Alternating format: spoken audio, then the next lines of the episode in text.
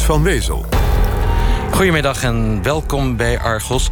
Fijn dat u luistert. Onderzoeksjournalistiek is helemaal hot. Zelfs in het nieuwe regeerakkoord staat dat de regering meer geld moet gaan geven aan onderzoeksjournalistiek. Juichen we toe, dat begrijpt u.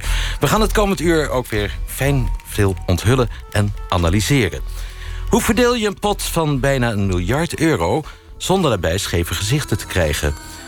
Die vraag speelt in de wereld van de wetenschap. Wie weet bedenken we straks van een oplossing. U kunt op Twitter met de uitzending meepraten. De hashtag is Argos Radio 1. NPO Radio 1. Argos. Geld. Veel geld.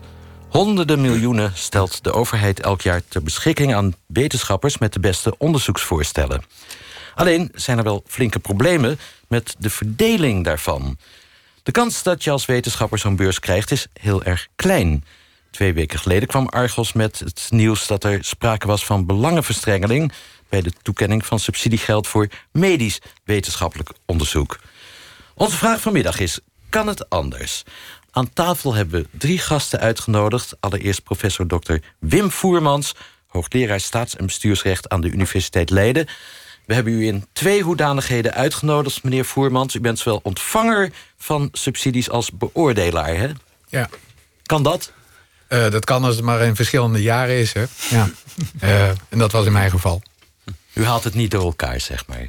Nee, ik ben nooit uh, bij de beoordeling gevraagd... of in beoordelingsrondes in, in die jaren dat ik zelf aanvragen op zee had. Nee.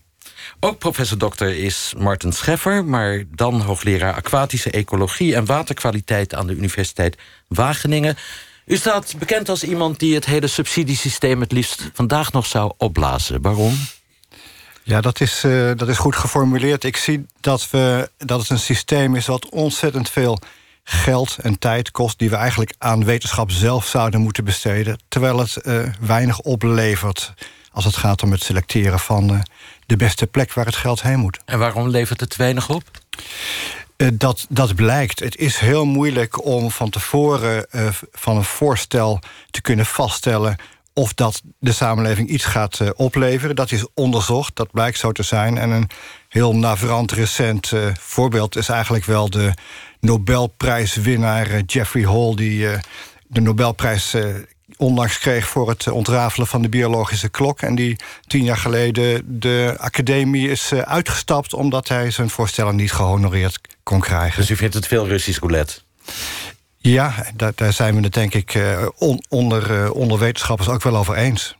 Nog geen professor dokter, maar dat kan natuurlijk altijd komen. Maar wel universitair hoofddocent bestuursrecht in Tilburg is Johan Wolswinkel. Ook van harte welkom. Uh, u bent namelijk gepromoveerd op het onderwerp ruzies en conflicten bij de verdeling van subsidies. Gaat dat alleen over de wetenschappelijke wereld of breder? Uh, nee, dat, dat is uh, een breder onderzoek geweest. Eigenlijk naar steeds wanneer de overheid schaarse rechten verdeelt. En dat zijn dus subsidies, dat kunnen vergunningen zijn. Uh, komen eigenlijk steeds dezelfde vraagstukken naar boven. Namelijk? Uh, er is een beperkte hoeveelheid beschikbaar. Er zijn meer kandidaten. Hoe gaan we een keuze maken? Ja, dan krijg je onmiskenbaar teleurgestelde personen onder de aanvragers. Uh, en je krijgt meer druk op transparantie voor of achteraf over dat proces. Het is een wereld vol scheve ogen en jaloezie. Ja, daar kun je eigenlijk niet aan ontkomen. maar je kunt wel proberen het zo goed mogelijk te regelen. Misschien uh, moeten we meteen ook even de namen noemen van de twee organisaties die het subsidiegeld aan wetenschappers verdelen. En die namen zullen in de uitzending ongetwijfeld vaak voorbij komen. Allereerst de Nederlandse Organisatie voor Wetenschappelijk Onderzoek, NWO. En waar onze uitzending twee weken geleden over ging, ZON-MW, Zorg, Onderzoek en Medische Wetenschap. Wat is precies de taakverdeling tussen die twee? Waarom zijn er twee organisaties, meneer Voermans? Nou, NWO is de koepelorganisatie en NWO um, beheert, coördineert, stuurt een aantal aandachtgebieden, om ze maar kort even zo te noemen. Uh, de heer Wollerswinkel en ikzelf zitten bijvoorbeeld in het MAGW. Uh, onderdeel uh, van NWO. En zo heb je een aantal grote potten, uh, grote clubs die onder NWO resorteren. Nou, Zon-MW is een hele belangrijke voor Nederland. Uh, er gaat ook heel veel geld om, uh, in om. En dat is wat je een aandachtsgebied zou kunnen noemen. En daar hebben we er in totaal, uh, geloof ik, een stuk of acht, negen van. ja. En wat betekent MAGW? de, de, de, maatschappijwetenschappen en geesteswetenschappen. Oké, okay. hele logische afkorting eigenlijk. Ik zei het al, twee weken geleden brachten we in Argos het nieuws... dat ZonMW in de fout is gegaan bij de verdeling van onderzoeksbeurzen. Het comité dat de subsidieaanvragen moest beoordelen... had de schijn tegen. Dat oordeelde althans de bezwarencommissie van ZonMW... want er zou sprake zijn geweest van vooringenomenheid. We gaan nog even luisteren naar hoe dat ging. Het is maart 2015 wanneer Paul Elbers vanuit het VU Medisch Centrum... een dik pak papier op de post doet. Het is een subsidieaanvraag voor het onderzoeksproject Right Dose, Right Now. Dat is een studie naar een methode waarmee je als dokter per geval de juiste dosis antibiotica kunt bepalen voor patiënten met een sepsis, bloedvergiftiging. Zo'n onderzoek is hoog nodig, vindt Elbers, want elke week belanden 300 sepsispatiënten op de intensive care. En van die 300 gaan er 100 dood. Dat zijn dus duizenden mensen per jaar. Een paar weken later ontvangt Elbers het oordeel van Zonnebee. Hij krijgt geen subsidie. Zijn aanvraag is kwalitatief goed en ook relevant, maar dat is niet voldoende. Andere aanvragen krijgen een betere beoordeling, waardoor Elbers buiten de boot valt. Ja, klopt. Ja, die werd afgewezen. Dat was eh, teleurstellend. Eh, met name natuurlijk voor eh, Paul Elbers. Elbers baalt. Hij heeft bijna een jaar aan zijn voorstel gewerkt. Van projectidee tot subsidieaanvraag. Allemaal voor niks. Elbers onderzoek belandt in een la. Maar dan gebeurt er iets opmerkelijks. Op internet ziet hij een persbericht. Nou, ik weet nog wel uh, dat hij uh, op een gegeven moment belde. En dat hij zei: Goh, ik heb zoiets vreemds. Ik zie hier een persbericht. En dat uh, is van een van de mensen die mijn aanvraag heeft beoordeeld. En in dat persbericht staat dat zij een beurs heeft gekregen. in diezelfde ronde van aanvragen.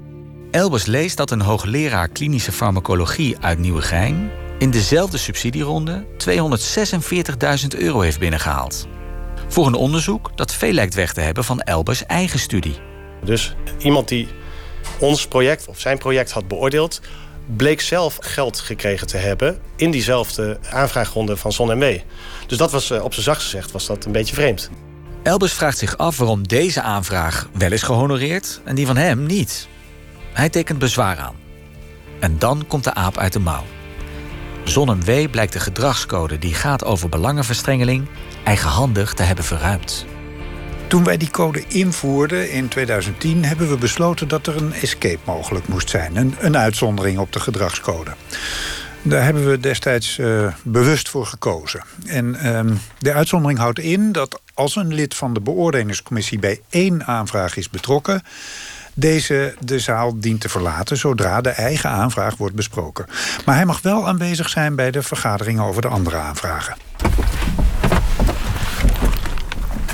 Ik ging met de tekst van de bezwarencommissie naar Hans van den Heuvel. Nou, op de minuut af. Goedemorgen. Welkom. Van den Heuvel is emeritus hoogleraar bestuurskunde aan de Vrije Universiteit. En daar doet u nog altijd onderzoek naar corruptie, fraude en belangenverstrengeling. Dit is een uitvinding, een interpretatie van de gedragscode... die Kant nog wel raakt. Die is ook helemaal niet geoorloofd. Die is, ja, die is tegen de wet. Dit is illegaal, zou je kunnen zeggen. Je mag geen enkele betrokkenheid hebben bij, bij zo'n ronde van subsidietoekenningen. Dus laat, je mag al helemaal niet met een eigen aanvragen erin zitten. Dan ga je toch mee beoordelen, mee praten over die andere aanvragen. Dus dan beïnvloed je uiteindelijk de beoordeling van de commissie. Dus de stemming, de uitslag. Helemaal fout.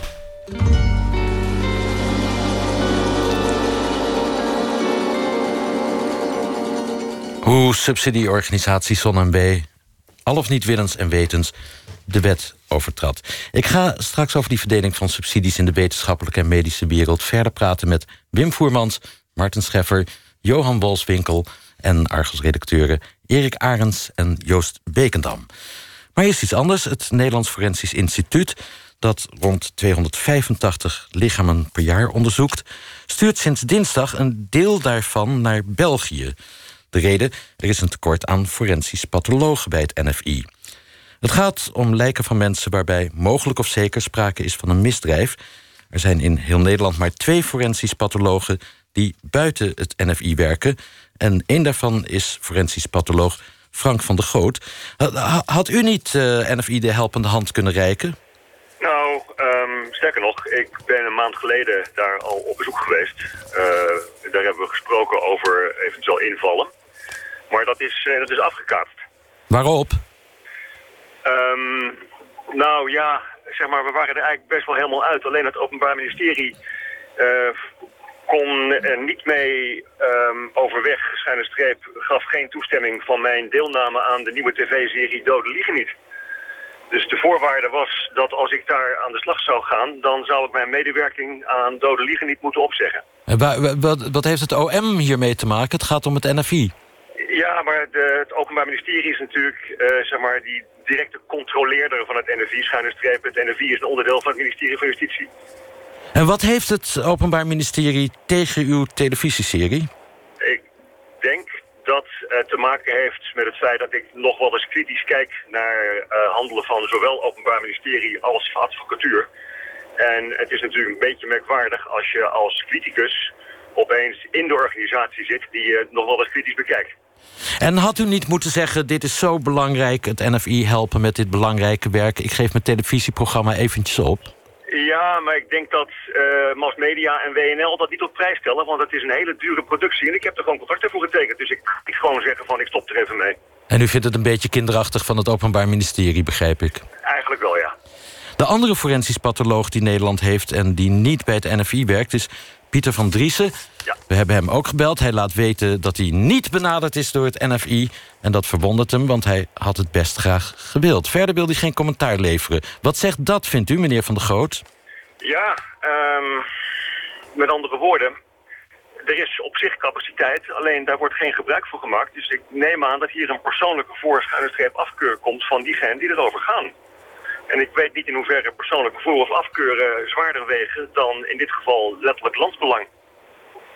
Wat is eigenlijk de oorzaak dat NFI nu moet uitwijken naar Antwerpen? Dat is een probleem wat denk ik al 15 jaar geleden begonnen is. Uh, toen zijn we begonnen met waarschuwen dat als je geen nieuwe mensen opleidt... je uiteindelijk problemen krijgt dat als er een keer iemand uitvalt er reserve is. En dat moment is helaas nu aangebroken. En waardoor... Er is, er is simpelweg niemand opgeleid. Waardoor is dat moment nu aangebroken dan?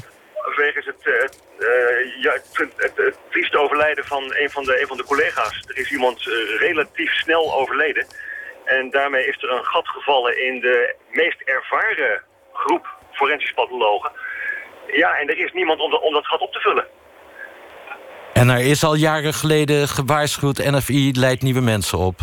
Ja, in 2010, uh, toen nog met uh, collega Theo Vrouwenvelder, afdelingshoofd uh, van de afdeling pathologie. Toen werkte ik nog bij het NFI. Hebben we al een, is er een letter of intent getekend door het bestuur dat er een samenwerking moest komen met universiteiten voor het opleiden van nieuwe mensen, omdat er anders een tekort zou dreigen. En dat was al in 2010. En ik ben daar nu acht jaar weg en er is dus helaas niets gebeurd. Is het eigenlijk erg dat die lijken nu naar België gaan? Want uh, waarschijnlijk zijn ze in Antwerpen ook heel goed, die uh, forensisch pathologen. Ik ben ervan overtuigd dat ze in België een fantastisch niveau hebben voor forensische pathologie. Daar is geen woord kwaad over te zeggen. Maar om heel eerlijk te zijn, ik vind het wel een blamage dat je als Nederland, toch een hoogontwikkeld land, dus deze overheidsdienst niet meer kan leveren omdat je vergeten bent mensen op te leiden. U vindt dit absurd? Dat is het enige juiste woord wat, wat bij mij opkomt. Mag ik u danken, Frank van der Groot... voor uw commentaar op het capaciteitstekort... bij het Nederlands Forensisch Instituut. NPO Radio 1. Argos. Ja, we hoorden daarnet dus een fragment uit de Argos-uitzending van twee weken geleden... over uh, ja, dubbele petten, anders kun je het niet noemen... bij subsidieorganisatie ZonMW. Meneer Wolfswinkel, u als jurist, wat vindt u daar eigenlijk van? Van wat daar is gebeurd? Uh, nou, het heeft me eigenlijk wel, uh, wel verrast. Uh, ik zat meteen te denken, ken ik rechtspraak die over dezelfde thematiek gaat? En er kwam meteen een uitspraak bij mij boven de Raad van State uit al 2010... waarin eigenlijk dezelfde uh, situatie zich voordeed. Dus er was een, een beoordelaar... die tevens directeur was van een stichting die een aanvraag deed... En toen zei de Raad van State, ja, dat kan niet uh, samengaan. Dus je kunt niet en aanvrager en uh, beoordelaar zijn in dezelfde ronde. Nou, dat was 2010. Dus het verbaasde mij dat in 2015 zich nog eens een dergelijke casus uh, voordeed. Ze hadden gewoon die uitspraak moeten kennen. Ja, en misschien kennen ze die juist ook wel. Want die gedragscode dateert uit 2010. En die gedragscode zegt volgens mij wel zoiets als... je mag niet en aanvrager en beoordelaar zijn. En dan lijkt het iets te zijn van je stelt wel een regel vast, maar hanteer je die regel ook vervolgens strikt en dat daar iets mis is gegaan. Professor Scheffer, gebeurt het eigenlijk vaak dat beoordelaars van onderzoeksprojecten in de wetenschappelijke wereld zelf bij dezelfde commissie ook subsidie aanvragen? Nou, dat, dat kan ik niet uh, echt beoordelen. Ik ben alleen uh, zeg maar ervaringsdeskundige als, uh, als aanvrager. Als, Want u bent super aanvrager. U bent een van de kampioen-aanvragers van Nederland. Ja, ik vraag niet zoveel aan, maar ik krijg heel veel. veel. Ja, ik krijg heel veel. Ik ben een van degenen die het meeste krijgt. Ik stond in de Volkskrant als veelverdiener een aantal jaren geleden... met 10 miljoen uh, subsidie binnengesleept. En hoe doet u dat? Geef me eens de gouden tip. Ja, dat, ik, weet het, uh, ik weet het niet. Het kost, het kost niet zo heel erg. het kost mij niet zo heel veel moeite. Het heeft onder andere te maken natuurlijk met het onderwerp waar je aan werkt. Of dat een onderwerp is wat veel mensen aanspreekt. Het heeft ook te maken met ja, hoe, hoe goed je dat kunt uitleggen, wat je, wat je doet, hoe handig je bent zeg maar, in het, de presentatie. En wat ook meespeelt is, als je al een heleboel geld hebt gekregen... dan denken mensen, nou, die zal wel heel goed zijn. Daar, uh, die geef ik nog meer geld. Dat is, dat is vast goed besteed, want daar hebben anderen al over, over nagedacht. Zoals je BN'ers hebt, heb je ook BW'ers. Bekende wetenschappers die altijd geld krijgen. Ja, ja eigenlijk, uh, eigenlijk wel. En uh, het, het, is vanuit die rol, zeg maar, dat ik denk van nou, dan, dan moet ik maar uh, activist worden. Om te zeggen dat het uh, anders moet. Want niemand Durf. kan mij verwijten dat, dat, dat ik dat doe uit, uit ontevredenheid voor wat ik zelf krijg. Ik, ik vaar enorm wel bij het systeem.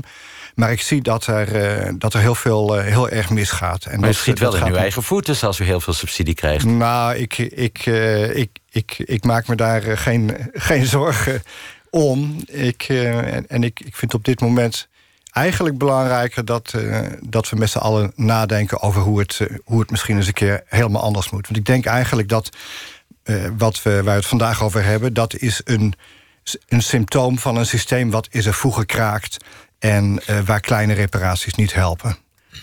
Professor Scheffer hoorde u. Professor Voermans, u nam het in de uitzending van twee weken geleden... toch ook wel een beetje op voor ZonMW. Waren we te streng voor ze? Nou, niet te streng, maar het ging om uh, vast te stellen dat er iets uh, mis was gelopen. Maar ik kon me wel iets voorstellen uh, waar de foutgevoeligheid zat. wat het probleem was. En dat is die kring van mensen die bij Zon en W moeten beoordelen. Het gaat dus over medisch onderzoek, zorgonderzoek. Dat is heel belangrijk. De kring van beoordelaars is uitermate klein. Waarom? Er zijn gewoon, dat zijn hyper-experts uh, die elkaars werk moeten uh, beoordelen. Dus uh, wat je daar straks zei over die aanvragen drukken... dat er maar heel weinig kans is om iets te krijgen. Dat geldt voor de Wolfswinkel en mijn sector zeker 1 op 10. Maar in Zon en is die kans aanmerkelijk groter. Er gaat ook veel meer geld in, terecht. Het is verstandig van BV Nederland om daarin te investeren. Daar zijn we ook wereldwijd, lopen daar erg voorop. En uh, dat zijn allemaal inhoudelijke mensen ook nog eens. Dus uh, in mijn universiteit Leiden zie je dat ook. Uh, dat daar uh, heel veel hard wordt gewerkt, ook samen met andere universiteiten. Dit is een systeem waarbij in concurrentie geld wordt verdeeld... maar ze proberen daar overheen te stappen. Ze proberen Nederland vooruit te brengen in het wetenschappelijk onderzoek. Nou, dan krijg je een hele kleine kring uh, van aanvragers die, waar veel te, uh, te, winnen valt, in ieder geval. Maar ook een kleine kring van beoordelaars. En de mensen, en, en dat was mijn, begrip van vorige week of twee weken geleden... Uh, wat ik daarvoor had. Als je dan kijkt naar de mensen die daar beoordelen... dat zijn ook wel de toppers in hun vak. Dus die proberen samen verder te komen... en dat geld op een goede manier weg te zetten. En dan gaat er dus, dan treedt er foutgevoeligheid op. Uh, het werd zojuist al even genoemd. Met elkaar ze die systeem bedacht van... nou, als we op willen schieten, dan gaan we escapes met elkaar maken. Dus we hebben hier allemaal een aanvraag. Laten we het dan uh, de, hè, maar laten even met de uitzonderingen voor onszelf maken. Uh, laten we een uitzondering voor onszelf maken, dan kunnen we vervoort. Dus die inhoudelijke mensen die echt gedreven zijn...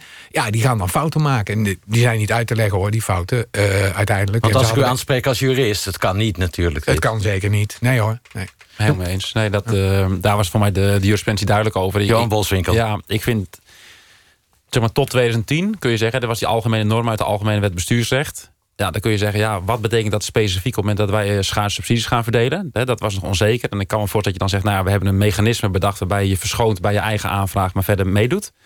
Uh, maar na 2010 is het duidelijk dat, dat het enkele verschonen bij je eigen aanvraag te weinig is. Ja, en dan moet je dus verder gaan. En dan kun je dus niet meer eh, op de oude voet verder gaan. En denkt u nou, meneer Boswinkel, dat uh, die hoogleraren oprecht hebben gedacht dat dit wel mocht? Of? ik denk eigenlijk dat dat nog wel. Ik wil dat nog wel geloven. Aan de ene kant, wat ik al zei, hè, tot 2010 was het eigenlijk nog niet echt uitgekristalliseerd. En ik denk aan de andere kant, er is kennelijk een systeem. En je stapt in dat systeem en je ziet, je ziet dat misschien ook onder je collega's gebeurt. En dan denk je, nou, kennelijk zijn wij in de, bevinden wij ons in de wetenschap in een tamelijk bijzondere positie. dat wat bijvoorbeeld in de cultuursector al is uitgekristalliseerd... dat wij net iets anders zijn... en dat bij ons nog wel te rechtvaardigen valt... dat aanvragen en beoordelaars samengaan. Uh, dus ik wil, ik wil daar nog wel in komen. Dat men uh, denkt van nou, als het systeem zo draait... en het draait al jaren zo... en ik kom in dit jaar met mijn aanvraag... en ik word ook gevraagd beoordelaar... dat je denkt, nou, kennelijk houdt het systeem dat uh, vol. Dus ja. Maar er ligt al jaren een juridisch bindende uitspraak die dit verbiedt. Ja, dus dat is wel fascinerend. Dat kennelijk in een andere sector rond cultuur is het al uitgekristalliseerd. Uh, dat men dat niet oppakt, althans onvoldoende oppakt. Hè, wel een gedragscode opstelt, maar tegelijkertijd de mogelijkheid van uitzondering uh, aanvaardt. Minister Schippers van VBS, tenminste ze is nog heel even minister van VBS... heeft inmiddels een feitenrelaas gevraagd aan SonMB. Ze wil weten of SonMB zich wel aan de wet houdt of dit om een incident ging of dat het vaker voorkomt en of het nog steeds gebeurt. Nou, Son is dat nog aan het uitzoeken en dat is de reden waarom ze niet op onze uitnodiging zijn ingegaan om hier ook aan tafel aan te schuiven. Ze willen eerst de minister informeren, althans haar opvolger. En uh, wie weet komen wij daarna ook nog van een keer aan de beurt, vast wel. In elk geval hebben wij al geprobeerd de minister een handje te helpen. Uh, wij, dat zijn in dit geval Argos-redacteuren Erik Arends en Joost Bekendom. Jullie ook welkom allebei. Erik, ja. Uh, Zon B heeft na de uitzending van twee weken geleden van Argos laten weten dat het bij hun niet meer is toegestaan om als commissielid ook zelf subsidieaanvragen in te dienen. En over jouw uitzending zei Zon B, ja, eigenlijk oude koeien uit de sloot gehaald. Het is gebaseerd op één casus en die is alweer heel lang geleden, namelijk in 2015. Ja, ja, dat klopt. Ze deden het voorkomen alsof het een uh, incident uh, betrof.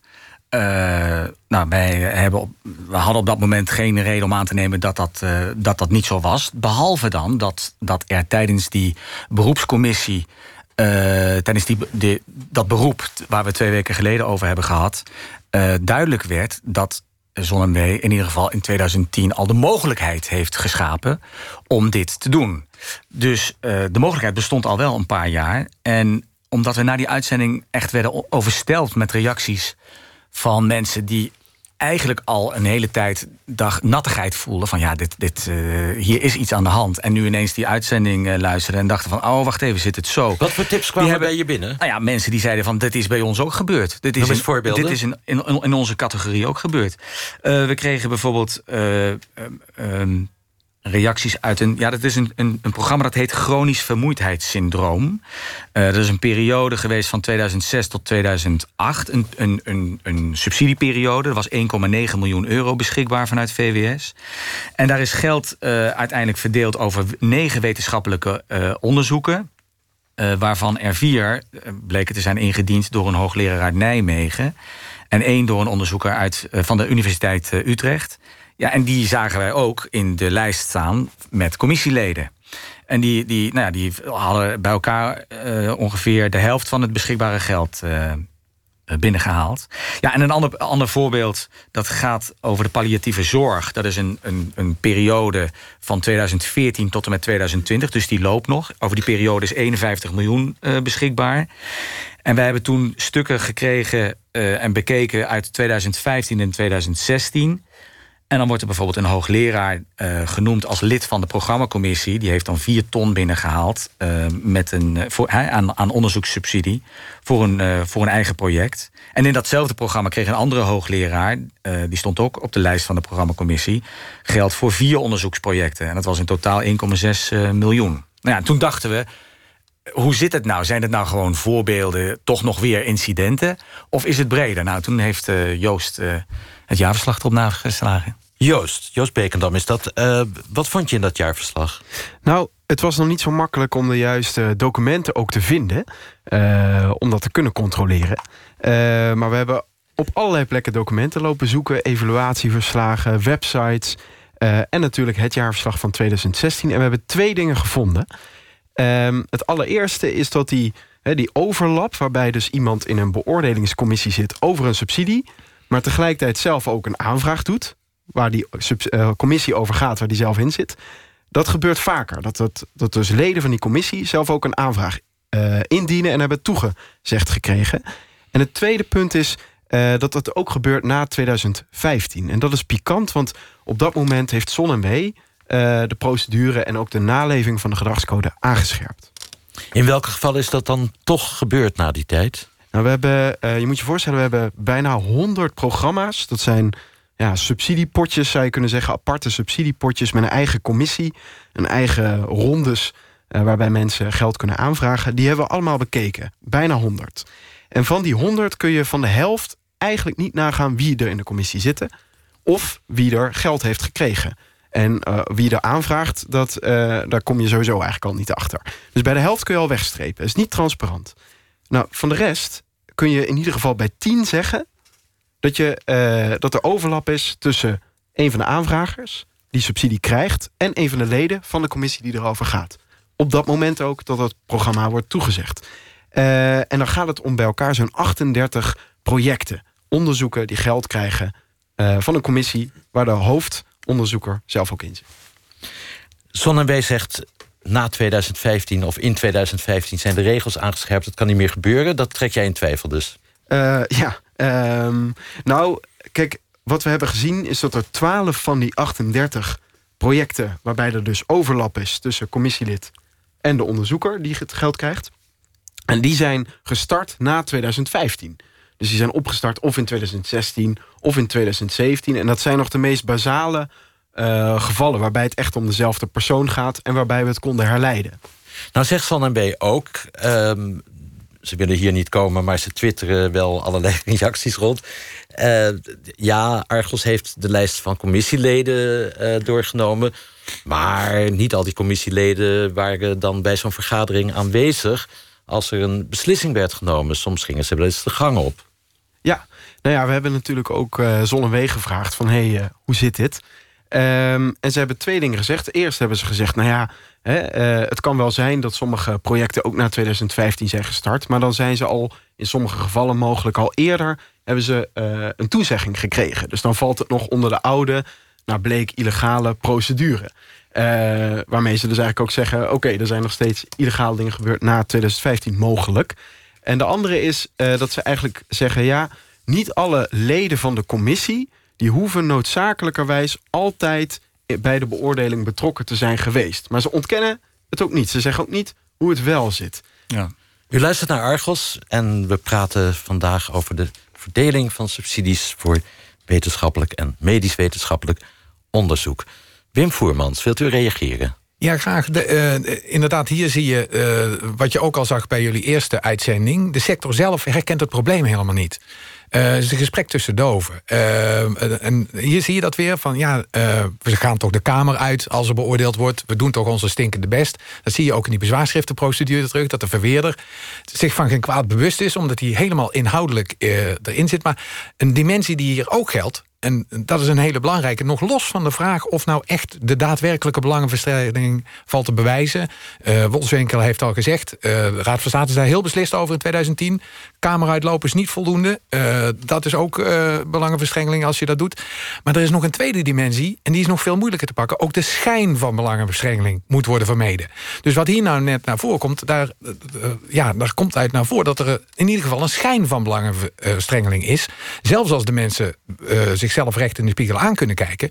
En dat is al erg genoeg. Daarmee gaat het vertrouwen in het systeem heen. Dat is voor de buitenwacht. je moet ervan op aankunnen dat het systeem heel... Uh, robuust is, dat daar zelfs niet eens de schijn van belangenverstrengeling overheen hangt. Als Sonnenbee zegt van ja, maar die commissieleden gingen toen hun eigen voorstel te sprake kwam de gang op, is dat te weinig als antwoord? Absoluut onvoldoende. En, en, en als, ja, en als Sonnenwee zegt, ja, maar ze hebben helemaal niet meegedaan aan die ronde.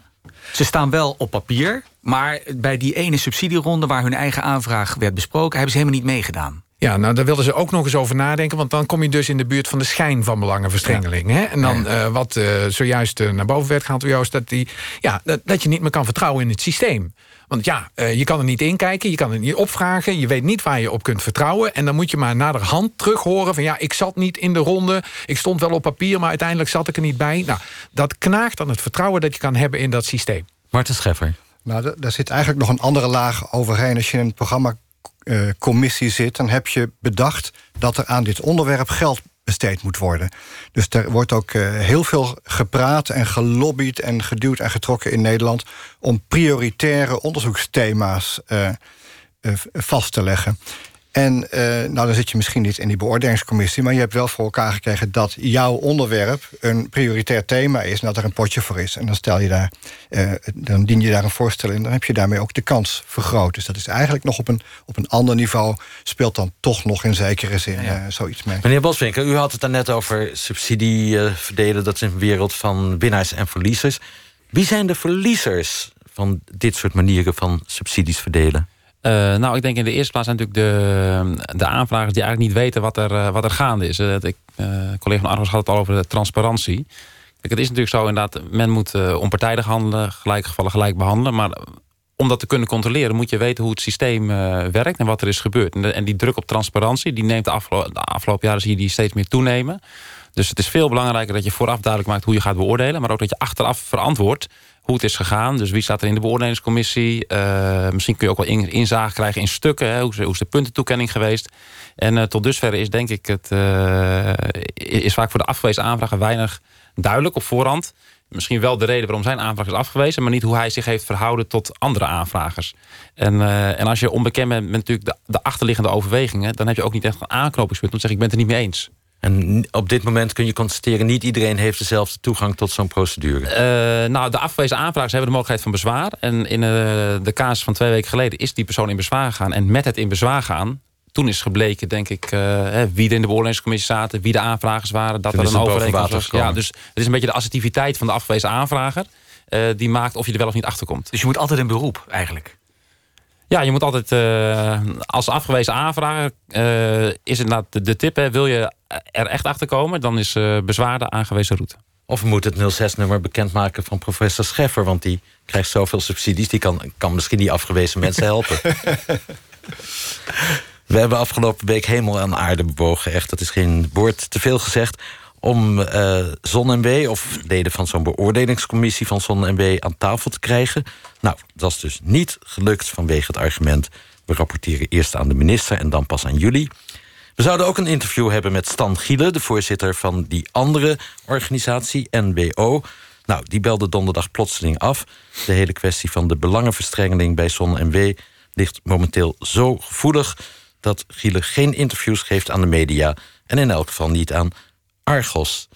Wat een geslotenheid, Wim Voermans. Ja, dat helpt niet, eh, inderdaad. Ehm, ik kan me wel voorstellen dat Nederland is klein. Je wil het goed houden met elkaar. Maar je wil ook. Dit, dit gaat niet alleen om de wetenschappers zelf. Nog even om Wolles- Wolleswinkel en eh, Scheffer bij te vallen. Er zit een binnenkant aan het systeem. waar je het goed probeert te houden met elkaar. en op een hele verantwoorde manier probeert het goede geld bij het goede project. bij het goede onderzoek te brengen. Dat is allemaal waar. Er zit ook een externe dimensie aan. Dit geld wordt opgebracht door belastingbetalers. En die moeten erop kunnen vertrouwen dat dat op een goede en een nette manier gebeurt. Aan goede doelen wordt besteed. En die dimensie dreigt aan buiten beeld te raken. Daarom zou ik ook denken van ja, voorzitter van NWO, kom even je verhaal vertellen. Eh, want het helpt niet om vertrouwen te kunnen houden in dit systeem. Meneer Scheffer, volgens mij kent u Stan Giele, de voorzitter van NWO. Waarom durft hij niet te praten? Nou, ik kan me best voorstellen dat hij, dat hij, eh, dat hij dit eh, gevoelig en, en moeilijk vindt. Hij heeft eh, de verantwoordelijkheid voor het, voor het hele systeem. Hij is eh, niet zo lang geleden begonnen. Ik, eh, ik weet ook zeker dat hij in alle oprechtheid... het allemaal zo goed mogelijk probeert te doen.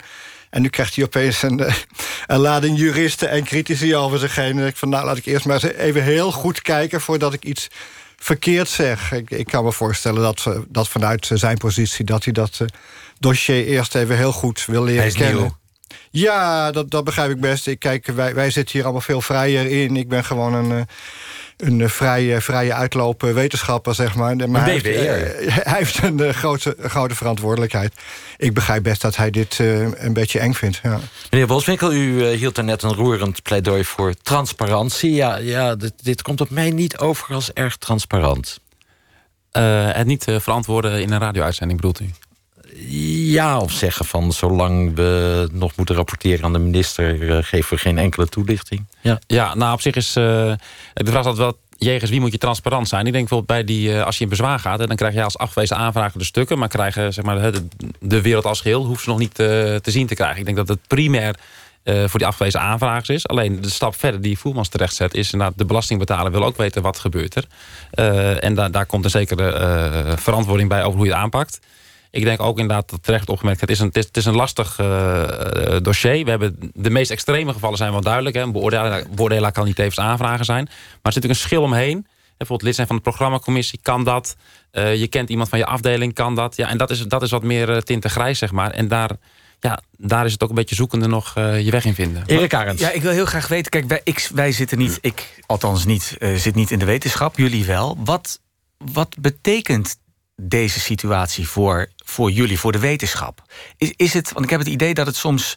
Soms heb ik het idee dat het is ingeslagen als een bom. Maar anderen zeggen van nou nee, ja, dat is, uh, er is eigenlijk uh, niks aan de hand. Of dat doen we al jaren zo. Wat betekent, wat betekent dit voor het systeem, deze situatie?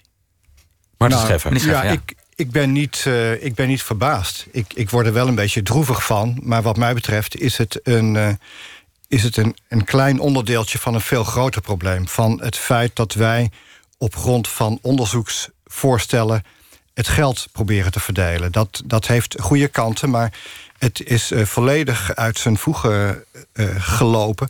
Op dit moment is het zo dat naar schatting in in, in Nederland denk ik ongeveer vijf menseeuwen denktijd van wetenschappers gaat zitten in het beoordelen per jaar.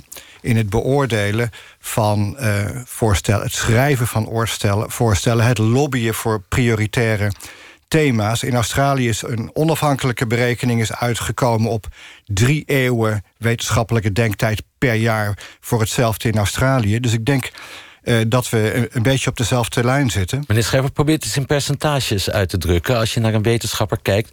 welk percentage van zijn of haar tijd is die kwijt met wetenschappelijk onderzoek... en welk percentage met aanvragen voor subsidies schrijven? Nou, het Rathenau Instituut heeft uh, onderzoek uh, gedaan... een aantal jaar geleden die, aan een enquête. En die kwamen op uh, dat in, op de universiteit mensen 40% van hun tijd aan wetenschappensteden ongeveer. De, de ander belangrijk deel is, is onderwijs. En ongeveer 10 procent uh, aan het acquireren, schrijven van voorstellen. Maar er zit dan nog niet bij het beoordelen van voorstellen... het lobbyen voor thema's. Ik, ik kom dan op zeg maar de ratio onderzoek tot praten over waar het geld heen moet. Ongeveer 1 op 5, misschien zelfs 1 op 4. 20 procent, 25 ja, procent, dat loopt op. Een, aan, een andere mooie uh, insteek is om te kijken naar de Europese Unie. Het speelt niet alleen in Nederland. Uh -huh. Voor um, een recent programma uh, was 5,5 miljard beschikbaar. En de tijd die nodig was voor mensen om onderzoeksvoorstellen daarvoor in te dienen, die kostte ongeveer 1,5 4 miljard. Dan praat je dus over zeg maar, dat er een kwart van de wetenschappelijke capaciteit wordt ge, geïnvesteerd op voorhand. Alleen het schrijven, nog niet het beoordelen. Um, om, om, om het geld te proberen binnen te halen. Professor ja. Voermans, hoeveel tijd bent u eigenlijk kwijt aan projecten indienen, projecten beoordelen? Hoe, hoeveel tijd houdt u over voor onderwijs en onderzoek? Oh, nou, dat is, dat is helemaal niet gek hoor. Uh, ik uh, probeer veel geld uit de markt te halen en uit de. Uh, dat lukt ook nog wel eens. Ik heb er een bepaalde aardigheid in. Misschien Scheffer ook wel.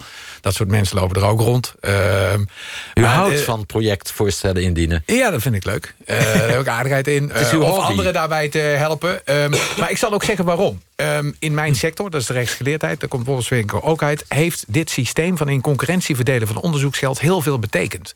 Dat is in zichzelf een goed systeem... als je het vergelijkt met wat daarvoor was. Toen kregen universiteiten gewoon een budget. Doe het daar maar van. Er zat geen enkele incentive op om de beste te zijn... of wereldwijd uh, je onderzoek uit te zetten. Uh, toen is dat systeem gekomen wat we nu kennen. En dat is inderdaad uit de rails gelopen. Hè? Eh, dus het gaat aan zijn eigen succes misschien wel ten onder. Uh, want Nederland heeft zich enorm met uh, de euro vooruit gedrukt. Als je kijkt wat wij aan wetenschappelijke opbrengst hebben... en dat even in reactie op Scheffer... voor een euro, nou, dan mogen wij onze borst vooruit drukken in de wereld. Dat doen wij namelijk ontzettend goed... en zeiden we heel scherp aan de wind. Maar nogmaals, dit systeem wat in zichzelf goed is... heel veel dingen brengt... alleen de beste voorstellen zouden gehonoreerd moeten worden... heeft dus die aanvragenkant uh, en die beoordelingskant die uit de rails aan het lopen is... daar moeten we echt iets aan doen. Maar nog even reactie op Scheffer. Dat zal je dus altijd houden. Waar je iets gaat verdelen of waar je iets gaat beslissen. Als je dat eerlijk en open wil doen. Uh, dat gaat van de rechtspraat tot aan vergunningen, verleningen tot aan... Er zit altijd een flinke rand aan. Als je dat eerlijk wil doen, dan kost dat ook geld. Uh, en dan is het dat ook waard. Ik heb de luisteraar aan het begin van dit uur beloofd... dat we het zouden hebben over hoe het anders kan. Hoe het beter kan. Nou, uh, we zijn niet de enige die het daarover hebben. Dat is ook een issue in de wetenschappelijke wereld. NBO, de organisatie van Stan Gielen... waar Stan Gielen net voorzitter van is geworden... Uh, zit daar ook over na te denken. Meneer Voermans, wat willen die? Wat wil NBO veranderen? Nou, het is een beetje een bewegend doel. Uh, wat ze willen veranderen, ze willen in ieder geval de administratieve lasten uh, vereenvoudigen, beter coördineren en misschien wel decentraliseren. Dat is een plan dat staat al een aantal jaren aan de lat. Uh, dat je gaat proberen de beoordeling, een, een, groot gedeelte daarvan, in de instellingen zelf uh, te doen plaatsvinden. Dus dat de universiteiten zelf een eerste beoordeling maken, schifting doen en dan voor het EGI komen dan de grote onderwerpen door. Maar dat is hoe het dan, dan vroeger was en waarvan u zei dat dat bevorderde de middelmaat. Ja, dat vind ik het bezwaar aan, want die instellingen die zijn ook redelijk klein, die proberen het een beetje bestuurlijk gezellig te houden met elkaar. Uh, en die zullen dus aan een hele grote druk ten prooi vallen... om ponsponsgewijs eerlijk te verdelen over de verschillende groepen die ze bedienen. Uh, en, en, daar zit een risico. Ik zeg niet dat het gebeurt, maar daar zit wel een risico. De manier waarop wetenschappelijk onderzoek op dit moment wordt beoordeeld... raakt ook de plannen en dromen van jonge promovendi. Jos Bekendam ging naar het Leids Universitair Medisch Centrum... vlak achter het Centraal Station van Leiden... en vroeg beginnende onderzoekers wat zij van het huidige subsidiestelsel vinden. Laatste tafeltje. Ja, ja inderdaad. We zitten hier tussen de kroketwalmen. Naast mij zit Rolf van Wegberg, voorzitter van Promovendi Netwerk Nederland en Promovendus in Delft. Nou zit het hier stampensvol met studenten, ook Promovendi. Hebben zij nou een beetje kans, als ze straks klaar zijn, op een succesvolle wetenschappelijke carrière? Nou ja, dat is moeilijk. Van de promovendi weten we bijvoorbeeld dat 75% in de wetenschap wil blijven. Maar dat slechts 25% ook daadwerkelijk in de wetenschap blijft. En dan heb je natuurlijk een deel uh, dat misschien zich gedwongen voelt om ergens anders uh, te gaan kijken. En een deel dat heel graag wil, maar er gewoon niet tussen komt. En dat heeft onder andere te maken met hoe we in Nederland onderzoeksfinanciën uitdelen. Waar het nu vaak spaak loopt, is dat als jij een promotor... Hè, dus als we twee promovendi langs elkaar leggen en, en die zitten in hetzelfde vakgebied... en de ene promotor heeft al een keer een beurs gekregen... dan heeft hij veel meer kans om nog een keer een beurs te krijgen... waardoor hij jou misschien kan houden als postdoc of als universitair docent. Terwijl de andere promovendus, die net zo goed kan zijn... Uh, een promotor heeft die dat niet heeft... en die bijvoorbeeld leunt sterker op de eerste geldstroom... dus het geld van universiteiten... dan heb jij veel minder kans. En dat, dus, het, dus het toeval dat nu bestaat en dat jouw carrière bepaalt... dat is eigenlijk van de gekken. Ja, Joost Bekendam in uh, Leiden. Je moet een goede promotor uh, weten te vinden. Nou, we hebben er hier een paar aan, uh, aan tafel. Nou, ze moeten mij dan niet hebben, denk ik. Want ik ben nog relatief jong en... Beginnend. En dat is heel veel binnengehaald, maar ja. Maar de heer Scheffer en Voerman zouden goede promotors zijn. Ja, zou ik zeker aanbevelen. Meneer Scheffer, het is u niet radicaal genoeg, al die uh, veranderingen die uh, MBO nu wil doorvoeren. U heeft een uh, eigen alternatief ontwikkeld. Het heet SOFA. Leg eens uit. Ja, SOFA. aantrekkelijk toch? Aantrekkelijke naam. Ja. Ik ga er gelijk bij liggen. Self, Self-Organized Fund Allocation. Daar is het een afkorting van.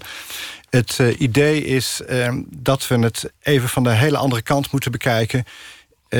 het je moet niet uh, voorstellen proberen te financieren... maar je moet personen financieren. Dat is de, de eerste kwestie.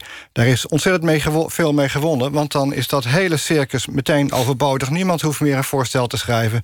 Niemand hoeft meer een voorstel te beoordelen.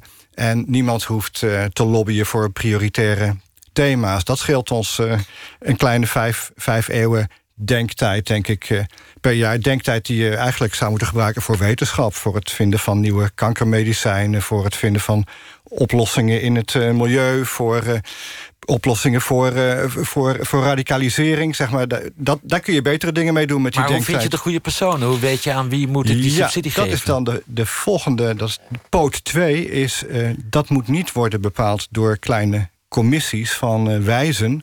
Dat moeten we met z'n allen bepalen. The wisdom of the crowds. Met z'n allen weten we het beste. Het is heel moeilijk om, ehm, om die inschattingen te maken. Misschien vind ik dat een bepaald eh, eh, jonge eh, promovendus heel goed werk doet. Iemand anders die zegt van... nou, ik vind dat je vooral de, de oude lui wat meer geld zou moeten geven. Iedereen boven de 60 of zo. Nou, niemand heeft de wijsheid in pacht. Maar met z'n allen samen weten we het het beste. Dat verschijnsel is heel goed bekend, heel goed onderzocht. En dat kunnen we dat kunnen we benutten. Die twee dingen kunnen we samenvoegen tot SOFA. En hoe werkt dat dan? Nou, om een, ik, ik- leg het even heel simpel uit. Eh, iedereen krijgt een gelijk deel van de koek... en daar moet je een stukje van weggeven. Een, voor een van tevoren vastgesteld percentage. Als je daarvan 1% moet weggeven aan iemand anders... nou, dan blijft het heel gelijk natuurlijk... want dan hou je gewoon zeg maar, je basisfinanciering. Als je 50 cent moet, eh, 50% eh, moet weggeven... Nou, dan krijg je een hele ongelijke verdeling. Ongeveer even ongelijk als nu hebben we berekend. Want dan eh, krijgen de wetenschappers waarvan wij met z'n allen met de wisdom of the crowd eh, bedenken dat die toch wel heel belangrijk werk doen, die krijgen meer. Het is dus een financiering op voorhand met een verantwoording na afloop. En, eh, je moet natuurlijk laten zien hoe je het geld hebt besteed, wat je hebt gedaan. Maar dat komt eh, achteraf. Er is ook eh, onderzoek gedaan en dat laat zien dat eh, het financieren van personen, je weet hoe ze bezig zijn, wat hun plannen zijn, dat dat eh, met dezelfde hoeveelheid geld meer oplevert dan het financiële van, financieren van voorstellen. Dat is gedaan door organisaties te vergelijken die die verschillende modellen hebben. Nee, ik vind het heel sympathiek klinken, maar het doet me ook wel een beetje denken aan mijn eigen studietijd bij politicologie aan de Universiteit van Amsterdam begin jaren 70, toen we het ook zo deden met projectonderwijs en dat, dan verdelen we het een beetje onder elkaar. Het werd echt haat en nijd. Nou, we verdelen het eh, onder elkaar, maar dit, eh, dat gaat eh, anoniem. Dus je hebt één keer per jaar ga je naar de, de stemmachine, een website op de computer. En daar vul je in wie wat jou betreft geld zouden moeten krijgen. Dat is anoniem, dus het is onduidelijk waar dat geld vandaan komt. En daar, dat kunnen personen zijn. Dat kunnen ook criteria zijn als bijvoorbeeld... geef mijn geld aan alle vrouwen in de wetenschap... of noem maar iets anders. En wat een aantrekkelijke optie is... is dat je ook het publiek zou kunnen laten meestemmen. Die, je kunt zeggen, die mogen al het geld verdelen. Lijkt me niet verstandig, want het is inderdaad specialistenwerk. Maar al zeg je maar 5% dan heb je al een drijfveer voor mensen... om ook aan het brede publiek heel duidelijk te maken... wat ze aan het doen zijn. En ik denk ook eh, dat, dat het dan heel interessant is... om de, de band tussen de samenleving en de wetenschap... op die manier wat, eh, wat nieuw leven in te blazen. Wim Voermans, in dit plan, SOFA, heb je in elk geval die commissies van specialisten niet nodig. En dan los je ook het probleem van de dubbele petten binnen die commissies op. Maar spreekt het u aan, SOFA? Ehm, liggen in een sofa spreekt mij heel erg aan. Ja, mij Eh, maar mijn bezwaar ehm, eh, is precies ook op dat liggen in die sofa gericht. Dat is, er zitten geen eh, spijkers op die sofa. Er zitten geen incentives meer in. Ik denk dat dit in die zin stuk loopt op dat er is een milde vorm van sturing op thema's die we hebben. Ehm, er wordt schaars onderzoeksgeld ingezet eh, in Nederland. Eh, daar willen we een beetje op sturen als overheid. Niet inhoudelijk voorgaan, kouwen wat het zou moeten worden. Maar je wil bepaalde thema's toch wel met dat belastinggeld eh, vooruit duwen. Ja, als je dan louter op personen gaat hangen... die je, ehm, eh, eh, vooral als het een beetje hippe personen zijn... en bekende wetenschappers zoals Scheffer hier... die, die, die, die erg sympathiek zijn, dat, soort dingen wordt uitvergroot dan. Die krijgen dan nog Ja. meer geld dan nu. En ik, ik geloof eigenlijk meer in een systeem zoals ze dat hebben in ehm, eh, de- Finland, Noorwegen, Denemarken, IJsland, eh, de Faroe-eilanden. Die werken samen. En die hebben het systeem dat ze eigenlijk hebben in Nederland... in concurrentie verdelen van het geld. Die hebben hetzelfde probleem als we hebben in Nederland. Veel te weinig beoordelaars, zijn dun bevolkte landen. En die hebben het helemaal geprofessionaliseerd. Die huren gewoon mensen in van buiten die landen. En die komen dan eh, bij elkaar eh, op twee dagen. Die, die werken ze helemaal uh, surf, want je moet twintig van die aanvragen beoordelen. Maar duidelijk is, niemand uit die noordelijke landen zelf zit met zijn voeten te spelen bij de beoordeling van die aanvragen. En daar zijn ze tevreden over, ook omdat ze echt samenwerken, in Noordforsk heet dat, uh, als landen onder elkaar. En eigenlijk doen we dat in Nederland heel weinig. Ik hoorde net over dat Forensisch Instituut. Waarom werken wij niet samen met de Vlamingen? Waarom niet met uh, de, de Duitsers? Uh, die, we zijn allemaal in Europa hetzelfde aan het doen. We hebben een Europees fonds, daar vinden we elkaar wel. Maar om hier eens de handen in elkaar te slaan, dat schijnt dan niet te kunnen. Dat snap ik niet. Je zou meer willen dat internationale wetenschappers elkaar beoordelen? Ja, ja, dat, uh, dat, uh, nou, dat helpt bij. Ik nog tegen... wel even meneer Boswinkel horen hoor, trouwens. Dat helpt bij het tegengaan van uh, belangenverstrengeling, maar niet bij, het, bij de enorme druk die er ontstaat doordat al die voorstellen moeten worden geschreven. Dus dat, dat probleem los je niet op. Wel het probleem van de belangenverstrengeling. Nee, sterker nog, je moet al die voorstellen dan in het Noors gaan vertalen. Als het naar die commissie moet wel. Nou, dat is allemaal in het Engels hoor. Ja. Um, dus, ja, dus ik denk dat, dat, um, dat, dat je daarmee uh, niet het, het echte grote probleem van het systeem, wat mij betreft, oplost.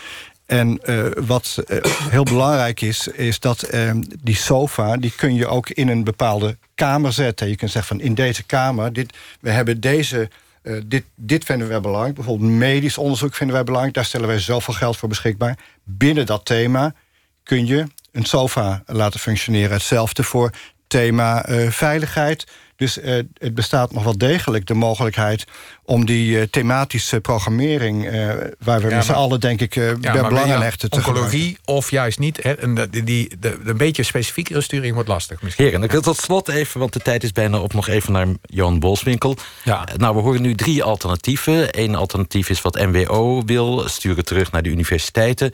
Een alternatief is de SOFA uit Wageningen. En een alternatief is internationaliseren. Dat zegt Wim Voermans. Wat, wat, spreekt u het meest aan? Nou, ik denk dat internationaliseren nog het best of het dichtst aan zit tegen wat, uh, wat meest vertrouwd is. Hè? Dus dat, dat, dat, dat, spreekt misschien daarin aan. Ik denk, uh, als terug naar de problematiek van twee weken geleden, aanvraag is beoordelaar. Je kunt of meer waarborgen gaan inbouwen om dat te voorkomen. Is zeg maar die internationale route. Maar als inderdaad we zeggen van het is voor op bepaalde terreinen onmogelijk om aanvragen en beoordelaar, om beoordelaar te scheiden. Dan, dan is eigenlijk het, het, model Scheffer eigenlijk een hele interessante.